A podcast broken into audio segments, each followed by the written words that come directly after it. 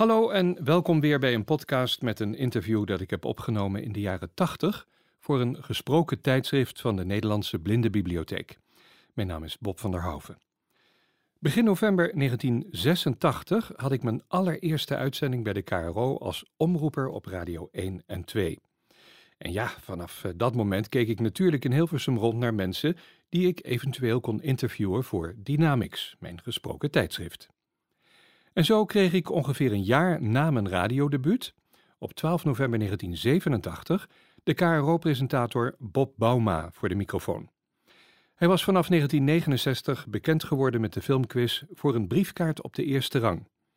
Dat was geen toeval, want Bob Bauma was een echte filmkenner, die ook nog jarenlang werkzaam is geweest bij de filmkeuring. Daarnaast was Bauma actief als muziekjournalist en ondersteunde hij de vereniging Spierziekten Nederland. Dus ook voor het goede doel zette hij zich in. Ten tijde van ons gesprek was er net een LP uit met Franse klassieke muziek, die werd gespeeld door een orkest bestaande uit conservatoriumstudenten. De opbrengst van die LP kwam ten goede aan de vereniging Spierziekten Nederland. Aan het begin en het einde van het interview hoor je daar een stukje van.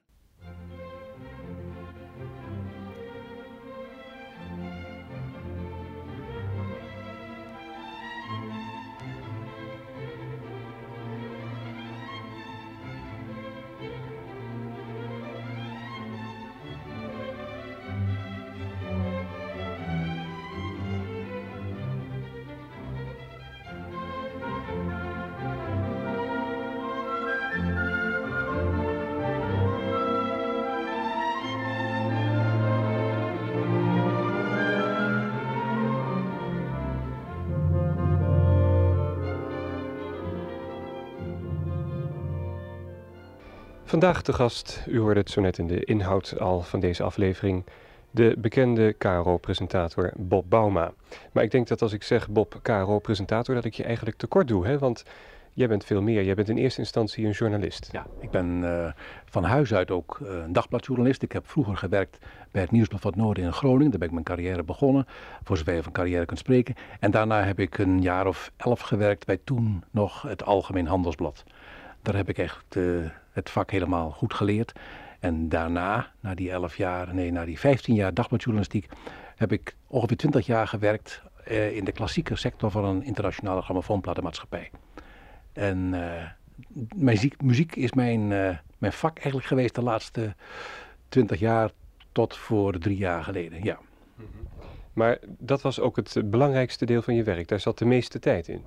Ja, en daarnaast heb ik natuurlijk heel wat televisie gedaan. Ik ben elf jaar de presentator geweest van het KRO filmprogramma voor een briefkaart op de eerste rang. Dat is tot, ik meen, 81 heeft dat geduurd. Helaas afgelopen voor mij, jammer genoeg, want ik vond het erg leuk om te doen. Maar ik kan me ook voorstellen dat, dat een keer andere mensen voor die camera's moeten praten over zo'n onderwerp. Inderdaad. Ik heb ook menige aflevering bij je op de eerste rang gezeten, Bob. En uh, ik vraag me dan wel eens af, hè, als zo'n succesvol programma als uh, dat na een tijd stop wordt gezet, waar komt dat dan door? Is dat omdat jij er genoeg van hebt of omdat een omroep dan wil dat er weer eens wat anders gebeurt? Waar zit hem dat nou eigenlijk in? Het is vooral het laatste, want ik wou best doorgaan hoor. Ik ja, tot de dood erop volgt bij wijze van spreken. Nee, dat, ik had er geen enkel bezwaar tegen, maar ik denk dat uh, de goede politiek is van een omroepvereniging om te zeggen iets wat echt op zijn hoogtepunt is en wat heel goed draait. En dat je na zoveel jaren zegt, nu gaan we daar eens een punt achter zetten, nu gaan we het weer eens nieuw, op een nieuwe manier bekijken en op een nieuwe manier benaderen. En dat is ook gebeurd. Met wisselend succes, geloof ik, maar in ieder geval, het is gebeurd. En zo blijft een omroepvereniging jong. Ja, dus nou weer een, een nieuw filmprogramma hè, bij de KRO, Filmfan van Hans van Willigenburg. Heb je het al gezien? Ja, natuurlijk, daar kijk ik regelmatig naar, want ik blijf natuurlijk een filmhobbyist, of filmkenner durf ik wel zeggen. Ik ben nog steeds heel erg involved en uh, betrokken bij film. Sinds, uh, merkwaardigerwijze, sinds een half jaar ongeveer ben ik zelfs lid van de Nederlandse Filmkeuring. Dat is een, een, een gezelschap van 40 Nederlanders, mannen, vrouwen van allerlei soorten, allerlei uh, leeftijden en beroepen door elkaar, die om de zoveel tijd, ongeveer om de twee maanden, met z'n vijven worden uitgenodigd. Dus een plukje van vijf wordt uitgenodigd om twee films te keuren En niet te keuren of je hem goed of slecht vindt, maar te keuren op zijn schadelijkheid, eventueel voor kinderen beneden de 16 of voor kinderen beneden de 12 jaar. Dus ik keur alleen maar films op schadelijkheid. Het is merkwaardig voor mij om dat nu te kunnen zeggen dat ik lid ben van de filmkeuring. Als men mij twintig jaar geleden had gezegd dat ik ooit nog eens filmkeurer zou worden, had ik niemand, dat had ik dat niet geloofd, want dat was zo ver van mij. Toen was bovendien, was de filmkeuring inderdaad iets wat te maken had met uh, keuren. Keuren in de zin zoals het vroeger geschiedde, uh, namelijk toen werden films bekeken op hun... Uh, ja, zeggen, op de blote borstjes en zo. Mensen beneden de 18 jaar waren vroeger niet uh, in staat geacht om een bloot borstje te zien op de televisie, op de, niet op de televisie, maar op het witte scherm, witte doek in een bioscoop. Gelukkig, dat heb ik altijd belachelijk gevonden, gelukkig is dat er voorbij. Dat mag nu. En uh, als ik dus films keur voor jongelui, voor kinderen, dan kijk ik bepaald niet naar uh, seks of erotiek. Ik vind dat helemaal niet schadelijk voor kinderen als, er naar gekeken wordt. Ja, tenzij het dus heel erg sadistisch of heel erg smerig is. Maar gewoon een, eh, een vrij een paardje, dat vind ik helemaal niets ergs. Er zit niks verkeerds in, daar worden kinderen ook niet anders van, geloof ik. En, ik, en als, als er, zullen ze er een beetje door verward raken, dan nog kan het best, vind ik. Ik kijk tegenwoordig alleen maar of er gruwelijkheden in voorkomen. Dat vooral ik, vind ik uh, niet juist dat kinderen zien. Dus echt zo'n gruwelijke film over een Vietnamoorlog of zoiets. Die is bij mij onmiddellijk 12 jaar of 16 jaar. Maar meestal 12 jaar. Want ik vind mensen boven de 12 zijn ook best in staat om iets te zien en te verwerken. Ja, misschien een rare vraag, eh, Bob. Maar die filmkeuring, hè, ik denk toch dat er mensen zijn die eh, dat een beetje achterhaald instituut vinden. Hè? Want is de redenatie. Luister naar of je het keurt of niet. En of je zegt voor 12 of voor 16 jaar en ouder. Het maakt allemaal niet uit, want het komt uiteindelijk toch op televisie. Hoe gruwelijk het ook is. Kijk maar naar de programma's van Veronica. En uh, er zijn meer omroepen die niet zo erg letten op wat er in beeld komt. Uh, men kan het huren op video in elke videotheek. Waarom dan toch die keuring? Nou, de, um, de eerste plaats is het een uiting van jeugdzorg van WWC die heeft dat, dat is nou helemaal de wet die uitgevoerd wordt met deze filmkeuring. En ik ben het wel met je eens als je zegt dat er op de televisie tegenwoordig ook gruwelijkheden, zelfs in het journaal van 7 uur of van 8 uur, worden vertoond. Helaas, en ik vind dat zeer verderfelijk dat het gebeurt. En ik vind ook dat er wat aan gedaan moet worden. Dat er inderdaad geen gruwelijke lijken, zoals in Suriname laatst uh, werden getoond in het journaal van acht uur. Dan zitten nog zeven kinderen van rondom de tien jaar zitten te kijken. En ik vind dat beslist iets, dat zou mij vroeger uh, de hele nacht uh, hebben gekost als een jongetje van tien jaar. Daar had ik niet tegen gekund. Ik vind dat dat niet juist is, dat dat ook niet moet gebeuren. Ik vind dat in ieder geval de bioscopen de, de ouders eh, moeten vrijwaren van dat soort verrassingen. En ik vind als een oma met haar kinderen, met haar kleinkinderen, uh, naar de bioscoop wil, bijvoorbeeld, naar een gezellige film, dat ze moet weten uh, van tevoren, dat ze kan weten van tevoren, is die film geschikt voor die kinderen of niet? En hoef ik moet me laten generen of moet ik ze straks allerlei verhalen vertellen om ze weer uh, bij te krijgen nadat ze zulke afschuwelijke dingen hebben gezien. En ik ben het ook met je eens als je zegt, ja, ze kunnen ze zomaar bij de videotheek gaan halen, die smerige films, op die gruwelijke films vooral. Daar zal binnenkort veranderingen komen. Er is nu een, uh, een, commissie geweest, van, ook door WVC ingesteld, die zich heeft gebogen over de wenselijkheid van een soort keuring voor videocassettes, dus voor videofilms. En er komt waarschijnlijk een soort vrijwillige uh, medewerking van alle videotheken in Nederland. En die krijgen ook een soort kenteken dat je kunt zien dat dat een, een videotheek is die zich vrijwillig aan deze regeling uh, onderwerpt.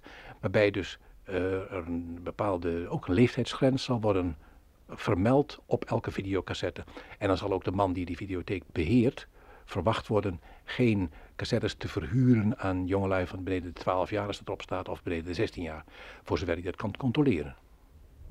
Het blijft niet alleen bij je activiteiten voor de filmkeuring, hè? want ik kwam je naam ook tegen in het uh, maandblad Video uit en thuis.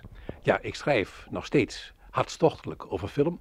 Ik vind dat uh, het medium video, en daar zou je als een als bioscoopgek zou je eigenlijk niet over mogen praten. Maar ik vind medium video uh, heel belangrijk voor jonge mensen vooral. Om tot film te geraken, om dan van film te gaan houden. Een heleboel oude films, die komen niet meer in de bioscoop. En ik vind toch dat elke eh, ja, jonge man van, uh, die, die zichzelf respecteert en elke jonge vrouw ook, uh, bijvoorbeeld een film als Citizen Kane moet hebben gezien. Of alle films van Charlie Chaplin moet hebben gezien. Nou, die zijn op video te krijgen. En ik hoop heel erg dat doordat de videomaatschappijen dat soort films ook op de cassette gaan zetten, dat een heleboel mensen komen tot het zien van die oude belangrijke documenten, van die oude ja, grote kastsuccessen van vroeger, waardoor mensen zoals ik van film zijn gaan houden. En ik vind dat de inleiding tot de film daar begint. Je moet vooral die oude films allemaal gezien hebben. Je moet weten wat er aan de hand is geweest en hoe prachtig die filmkunst zich heeft ontwikkeld en hoe vroeg die al een grote kunst was.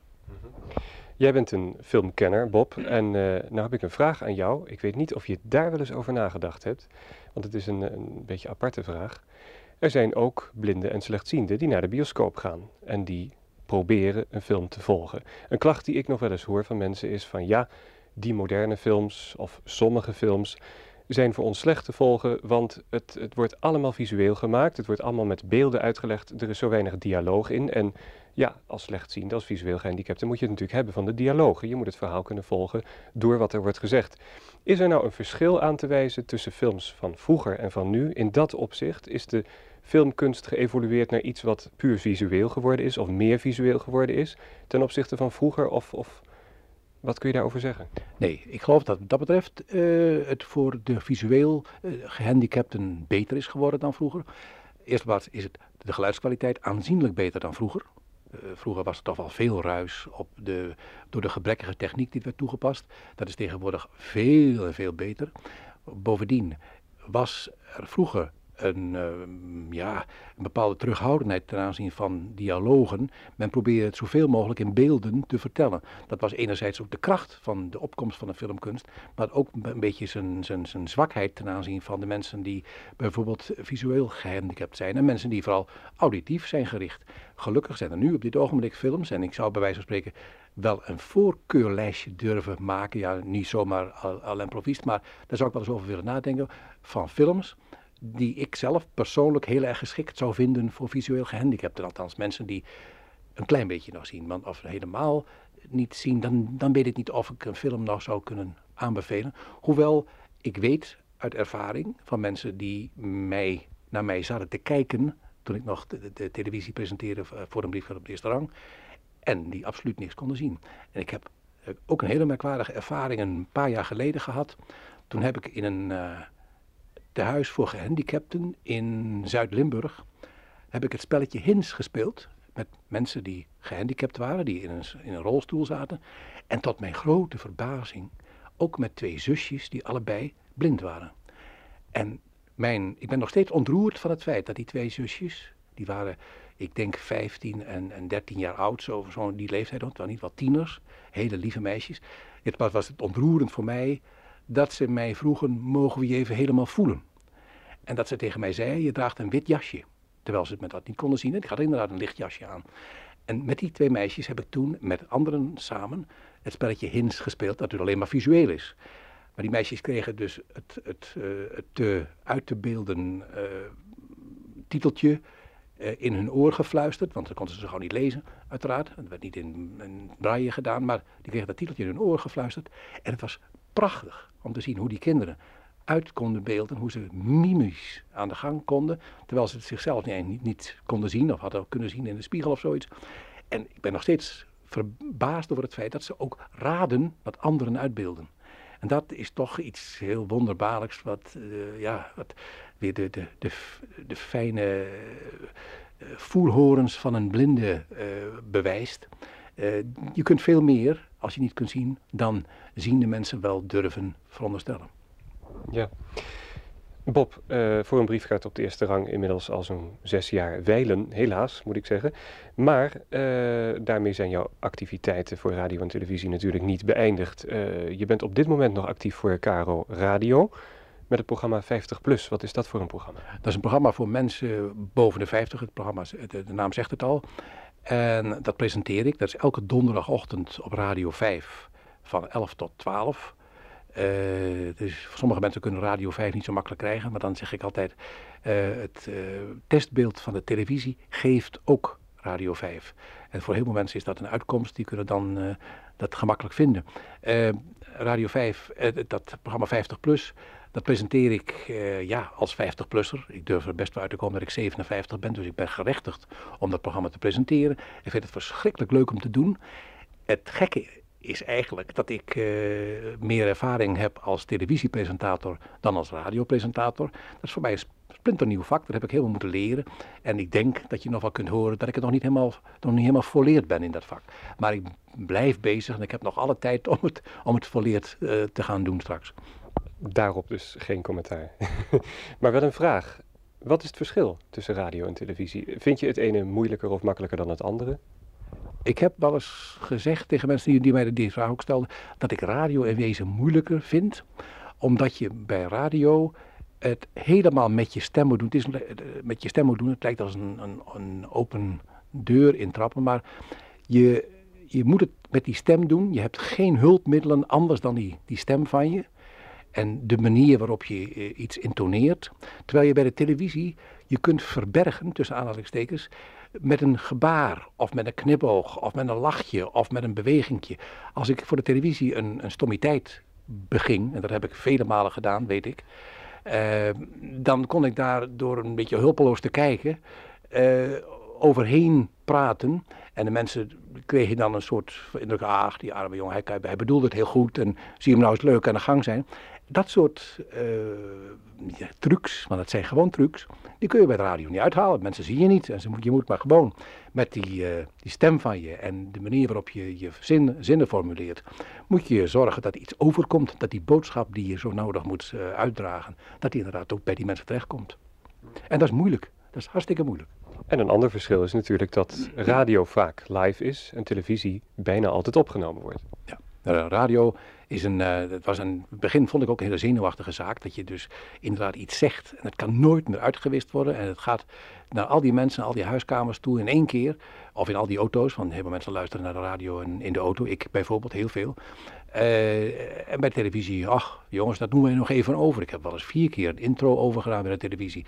Nou, dat kan bij de live radio dus helemaal niet. Als ik me vergis, dan vergis ik me punt uit. En dat moet ik dan ook maar overheen praten en zo gauw mogelijk vergeten. Dan zeggen mijn collega's hier bij de KRO, ach, jongen, die fout die hebben ze al lang weer vergeten, want daarna heb je dat en dat gezegd en dat was heel goed en heel leuk en heel gevat enzovoort. Nou, daar hou ik het maar op. Bovendien, ja, men moet mij nemen zoals ik ben. Er bestaat ook bij KRO Televisie een, uh, een 50-plus seniorenshow. Die wordt gepresenteerd door Frank Kramer, maar dat is toch geen 50-plusser? Nee, dat is misschien de enige discrepantie die in het programma voorkomt. Ik vind het een heel aardig programma hoor. Het heet trouwens niet meer 50-plus tegenwoordig, maar het heet nu Columbus. En de wereld die nog te ontdekken valt of zoiets als ondertitel. Uh, het komt op hetzelfde neer. Het blijft een programma dat gericht is op de wat oudere kijker. En uh, voortreffelijk gepresenteerd, moet ik zeggen, door mijn collega, door mijn jongere collega Frank Kramer, die dat al sinds jaren en dag doet. En uh, daar wil ik ook niet tussen treden. Ik vind dat hij dat heel uh, plezierig en heel uh, effectief en heel professioneel doet. Ja, tot zover het, uh, het radio- en televisiewerk. Hoewel daar natuurlijk ook bandjes mee vol te praten zijn, denk ik. Maar we hebben maar één bandje en daar laten we het even bij. Want er is nog veel meer te vertellen, denk ik. Je vertelde dat je journalist was. Dat uitzicht dan onder andere in het schrijven over film, ook over andere onderwerpen. Ik schrijf ook wel eens over andere onderwerpen. Uh, ik heb bijvoorbeeld in het blad Studio van de KRO wel eens een wel eens bijdrage geleverd. Meestal betrekking hebbende op muziek. Uh, omdat ik dus die, die grammofoonplaten achtergrond heb. Uh, ik heb ook heel veel gereisd voor die grammofoonplatenmaatschappij. Ik ben in Japan en Amerika en nou ja, overal in de hele wereld ben ik geweest. Onder andere met, op tournee met het Concertgebouworkest. Ik weet dus nogal wat van de inside uh, roddels van allerlei muziekgroepen in Nederland, van allerlei muziekkringen. Zoals de, die van het Concertgebouworkest, maar ook wel van, van andere uh, uh, kunstenaarskringen, althans op muziekgebied. En ik heb uiteraard heel veel buitenlandse artiesten meegemaakt. En ik heb heel veel opnamen in het buitenland meegemaakt. En dat heb, daar heb ik wel eens over geschreven, inderdaad. Ik heb onder andere wel eens geschreven over componisten en over fenomenen in de muziek. Dus uh, wat, wat is bijvoorbeeld een hit? Uh, ja, I'm Dreaming of a White Christmas. Ik wou dat ik dat geschreven had. Dan was ik nu zeer, zeer rijk. dat van Irving Berlin. En die heeft daar, ik denk, niet alleen miljoenen mee verdiend, maar miljarden. Zo vaak is dat gespeeld en zo vaak wordt het nog steeds gespeeld. En het gaat maar door, het gaat maar door. Daar heb ik over dat soort dingen heb ik wel eens nagedacht. En die fenomenologie in de muziek, dus zowel in de populaire muziek als vooral de klassieke muziek, die meer mijn stijl is en was. Daar heb ik uh, ja, ook, laten we zeggen, niet in de muzikologische zin, maar in de, de, de, de algemene zin vaak over geschreven. Dat heb ik ook altijd met veel plezier gedaan. Nou, afgezien van het feit dat ik met heel veel artiesten heb opgetrokken. Ik heb ze vaak geïnterviewd. Zowel schriftelijk als ook zo voor een microfoon. Je vertelde zo even iets over roddels. Zou jij nou niet willen schrijven voor bladen als Privé, Story, Weekend enzovoort? Nee, dat zou ik niet voor willen schrijven. Dat zou ik niet kunnen. Uh, in eerste plaats omdat de roddels die in die bladen staan, en dat wil ik met grote klem zeggen, niet juist zijn, niet waar zijn. De meeste dingen, en dat kan ik aan mezelf uh, controleren, zijn gewoon niet waar. Zijn verkeerd, zijn, hebben ze ergens een klepel horen luiden, maar ze weten niet dat de klok hangt, of omgekeerd. Er zijn allerlei fouten staan erin. Ik ga mezelf maar naar. Ik heb zelf in het begin van dit jaar een open hart operatie ondergaan. Dat is helemaal niet iets om, om uh, geheimzinnig over te doen. Daar heb ik over de radio over, op, de radio over gepraat. En uh, daar heb ik ook alles over verteld wat er maar over te vertellen viel voor een microfoon, staat er toch in een van die domme rottelblaadjes, maanden later overigens, dat, een, dat ik een heel andere aandoening heb gehad, een heel andere uh, operatie heb gehad, uh, helemaal niet slaande op die operatie die ik heb ondergaan. En dan denk ik, ja, bovendien staat er dan in dat de, de drie doktoren een fout bij mij hebben gemaakt, dat ik op het laatste nippertje nog, laten we zeggen, voor de dood ben weggehaald. Nou, dat is afschuwelijk als je weet dat ik door door mijn huisarts, door de, de, cardioloog en door de chirurg op de meest voortreffelijke en professionele manier ben begeleid en geholpen. Ik bedoel, ik ben een geval, ik ben een voorbeeld van, van iemand die op een perfecte manier van een kwaal is afgeholpen. Ik bedoel, ik, ik ben weer tien jaar jonger geworden door die operatie. En dat dankzij de geweldige inzet en de vakbekwaamheid en de, de laten we zeggen, op tijd handelen van juist die drie doktoren die om mij heen hebben gestaan. En dat is onredelijk en onbillijk als dan op de voorpagina van het blad X, ik zal niet eens de namen roepen, zo kwaad ben ik daarover, staat Bob Bauma nog net op tijd geopereerd. Dat is belachelijk en dan word ik zeer kwaad. Bovendien worden daar ongelukken mee gemaakt, vind ik. Ik vind dat dat ten onrechte uh, mensen van uh, nalatigheid worden beschuldigd. En die zich daar ook bovendien helemaal niet tegen kunnen verweren, want hun naam staat er niet bij.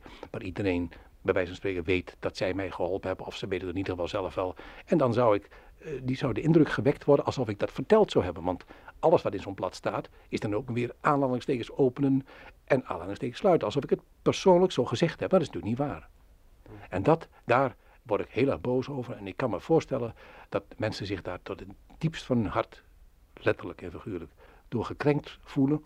En ik begrijp ook Jos Brink niet, als die uh, in, ooit in een uh, niet zo lang geleden uitgezonden interview voor de VPRO vertelt dat, dat uh, wat hier in die bladen staat eigenlijk allemaal waar is en dat hij daar met hart en ziel aan meewerkt. Dat is flauwekul. Dat vind, neem ik Jos Brink persoonlijk kwalijk.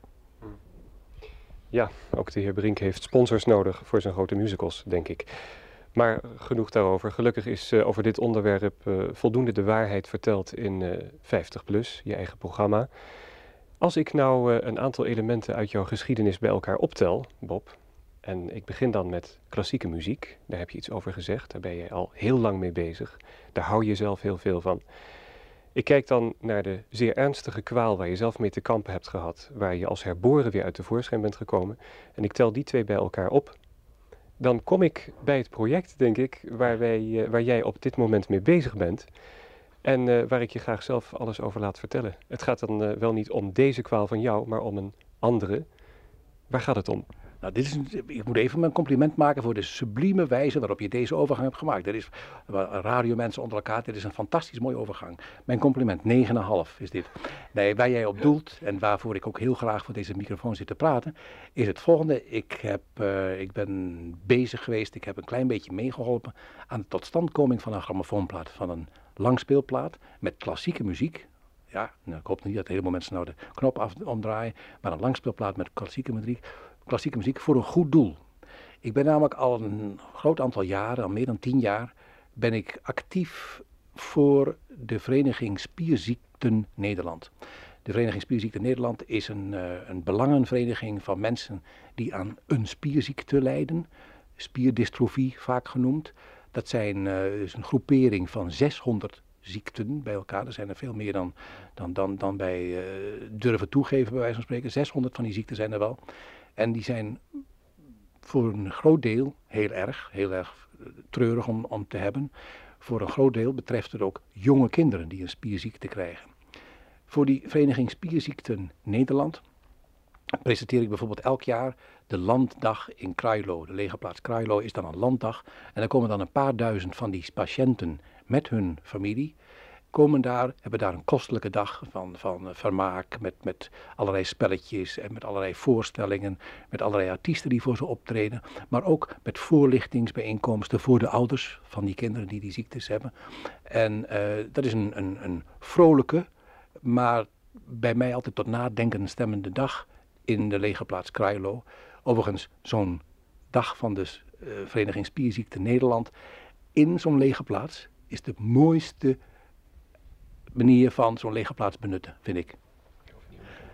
Die landdagen in Krailo, uh, met uh, die, al die patiënten en met hun ouders en zusjes en broertjes, die hebben natuurlijk gemaakt dat ik een heleboel van die mensen ken. En dat ik ook ja, ben gaan nadenken hoe ik ze nog beter zou kunnen helpen. Want, ach, wat kan ik nou helemaal doen? Ik, ik, ik sta een praatje te houden, ik praat eens met die jongelui in die rolstoelen. En ja, dan, dan ga ik weer over tot de orde van de dag. Ik ga naar huis en ik ben gelukkig en ook wel een beetje, ja, uh, ja, hoe zal ik dat zeggen, een beetje nederig vanwege het feit dat mijn vier kinderen alle vier rechtop lopen. En dat ik dat soort verdrietigheden niet heb. Want het hebben van zo'n zo'n gehandicapt kind, dat komt er meestal op neer, betekent voor ouders verdriet, betekent voor die ouders armoede meestal ook. Want het kost een hoop geld om je huis aan te passen aan zo'n kind, aan zo'n rolstoel. Dan kun je wel zeggen, ja, alles wordt gesubsidieerd. Er wordt ook een hoop gesubsidieerd. Maar een heleboel dingen kun je niet terugkrijgen. En die, die kosten maak je. Bovendien uh, hebben die mensen een zwaarder leven dan andere ouders. Omdat ze met zo'n kind moeten tillen. Vooral als ze niet op een, uh, in een bungalowtje wonen met alles gelijkvloers, betekent dat ze zo'n kind naar bed moeten tillen, trappen op, trappen af. Dat betekent dat vaders en moeders vaak op jonge leeftijd al kapotte ruggen hebben. Dat is slecht voor je carrière als je met een kapotte rug op je, op je werk komt, met alle gevolgen van dien. Het, het, het werkt tegen alle uh, invloeden in. Je, het is slecht voor je carrière, kortom, om zo'n ziek kind te hebben. Daar is een hoop geld voor nodig om dat een beetje glad te strijken, om daar een beetje wat aan te doen. Er is bovendien een hoop geld nodig om voorlichting te geven over deze afschuwelijke ziekten. Een aantal van die ziekten, vooral die bij kinderen, jonge kinderen zich openbaren, zijn erfelijk. Erfelijk via de gezonde ouders. Dat is een heel, heel treurig aspect van zo'n spierziekte. Een kerngezonde moeder krijgt dan een zoon, zoontje, van wie na een half jaar of zo blijkt dat hij aan een spierziekte lijdt. En spierziekten, zoals die, die erfelijke, zijn in sterke mate progressief. En van sommige, dus progressief, dat betekent dat het snel slechter met je gaat. En van sommige is de prognose heel erg slecht. Prognose betekent dat het slecht afloopt. Dat de dood op jonge leeftijd intreedt. Dat is afschuwelijk om te, te, te, te realiseren. Uh, komt mij vaak voor dat ik op het rondloop en dat dan een vader tegen mij zegt: Ach, meneer Bauma, Gerrit heeft het nog over u gehad. En, maar hij is in december is hij overleden. En dan weet ik ongeveer hoe Gerrit eruit gezien heeft. En uh, dan weet ik niet wat ik tegen die vader moet zeggen. Ik, dat, is, dat is me zo vaak overkomen. Maar blijkbaar uh, is zo'n beetje aandacht dat je aan die mensen geeft, en aan zo'n kind zeker, is voor een heleboel mensen troost. En daarom doe ik het ook met schreeuw veel plezier help ik daaraan mee. Ik, ben, ik hoor bij de zogenaamde bekende Nederlanders. Daar laat ik me niet op voorstaan en daar maak ik ook niet gebruik van. Ik maak er op één punt wel gebruik van, misbruik zou je bijna kunnen zeggen, als het is om, laten we zeggen, voor mijn kinderen van dus de Vereniging Spierziekte Nederland uh, op te komen. Als ik uh, fondsen kan werven met mijn bekende naam, dan zal ik dat niet laten. En ik heb me ook al vaak laten strikken voor allerlei karretjes om geld bij elkaar te krijgen, te presenteren voor het goede doel. Ik heb, ik heb net gezegd dat ik een, eh, een langspeelplaat heb doen ontstaan. Ik ben niet de enige die daar gewerkt heeft. Die langspeelplaat die heet Muziek helpt. Dat is een zeer toepasselijke titel. Die, die titel is nog toepasselijker als je bedenkt dat een aantal spierzieke jongeren, en dat zijn dan jongeren boven de tien ongeveer, uh, baat vindt bij het bespelen van een blaasinstrument. Dat betekent dat hun uh, ademhalingsorganen beter worden geoefend en dat ze daardoor ja, langer rechtop blijven lopen bij ze, of langer ja, ook in leven blijven. Het is als van, van, van levensreddende aard soms de manier waarop ze een blaasinstrument bespelen en de tijd die ze eraan besteden. Dat is soms voor sommige van die kinderen, ik wil niet zeggen levensreddend, want de ziekte is absoluut ongeneeslijk. Maar het verlengt het leven en het verbetert de kwaliteit van het leven voor een geruime tijd. En daarom is muziek helpt ook als geheime ondertitel voor de insiders een hele toepasselijke titel. Muziek helpt is ook uh, toepasselijk omdat inderdaad met deze muziek je een vrolijker en beter mens wordt. Want ik vind het bij alle mooie muziek trouwens, dat je daar een beter mens wordt van binnen als je naar luistert. En bovendien, als je die plaat helpt, die muziek helpt, uh, als je die plaat koopt, die muziek helpt heet, dan help je mee een fonds te vormen. Een fonds waaruit de voorlichting, de begeleiding en, en andere dingen worden betaald voor de Vereniging Spierziekte Nederland. Die plaat is gespeeld door jonge mensen allemaal muziekstudenten van het Utrechts Conservatorium. Het symfonieorkest van het Utrechts Conservatorium speelt op die plaat. Onder leiding van de oudere man Kenneth Montgomery, een oude rot in het vak. Een prachtige plaat met eh, goed in het gehoor liggende, toch vrij moderne muziek. Met uh, componisten Fauré, Chausson en Chabrier. En uh, misschien kan aan het eind van dit uh, interviewtje dat stukje Chabrier worden gespeeld. Dan kun je horen hoe uh, virtuoos dat fantastische orkest van het Utrechts Conservatorium tekeer is gegaan. Helemaal gratis voor niks, voor uiteraard het goede doel. Bovendien op de kant 1 van die plaat staan twee opmerkelijke solisten. Een Zuid-Koreaanse violiste. Haar naam is Huin Chi Chung. Dat is een beetje een moeilijke naam. Maar uh, hij, die naam staat keurig op de hoest van de plaat vermeld. Dus dat mogen alleen maar een aansporing zijn om die plaat te kopen. En de mezzo-sopraan Julia Bronkhorst. Twee jonge uh, solisten. Voor wie het de eerste plaat is, uiteraard in hun carrière. En ik geef u de verzekering dat het niet de laatste plaat is uit hun carrière. Als u die plaat koopt, en die kunt u bestellen door het Giro-nummer, op het Giro-nummer 410 2301. Ik herhaal het nog een keer.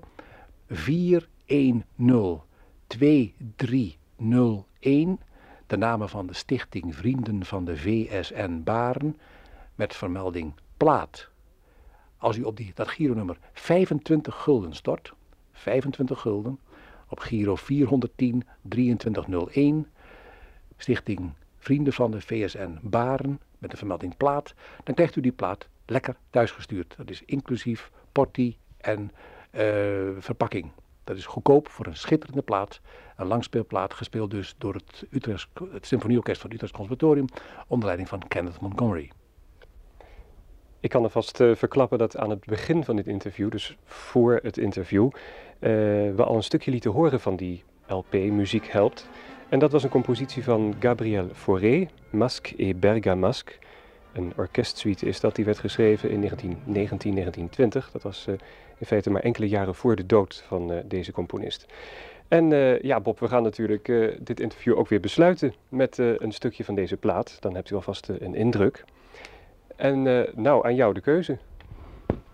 Nou, ik ben dan voor, een, voor het laatste stukje van de laatste track van deze LP dat is een, uh, een stuk van Emmanuel Chabrier, die leefde van 1841 tot 1894.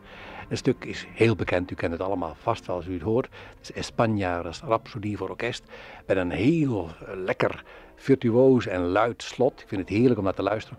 En, het, en ik verklap u even, dat ik was natuurlijk bij deze, bij deze opname en achter de pauken zat een beeldschoon Japans uh, studentje, die ook studenten is op, de, op het Utrechts Conservatorium. Heel klein meisje met hele kleine handjes, die dus die palkstokken ferm moest hanteren.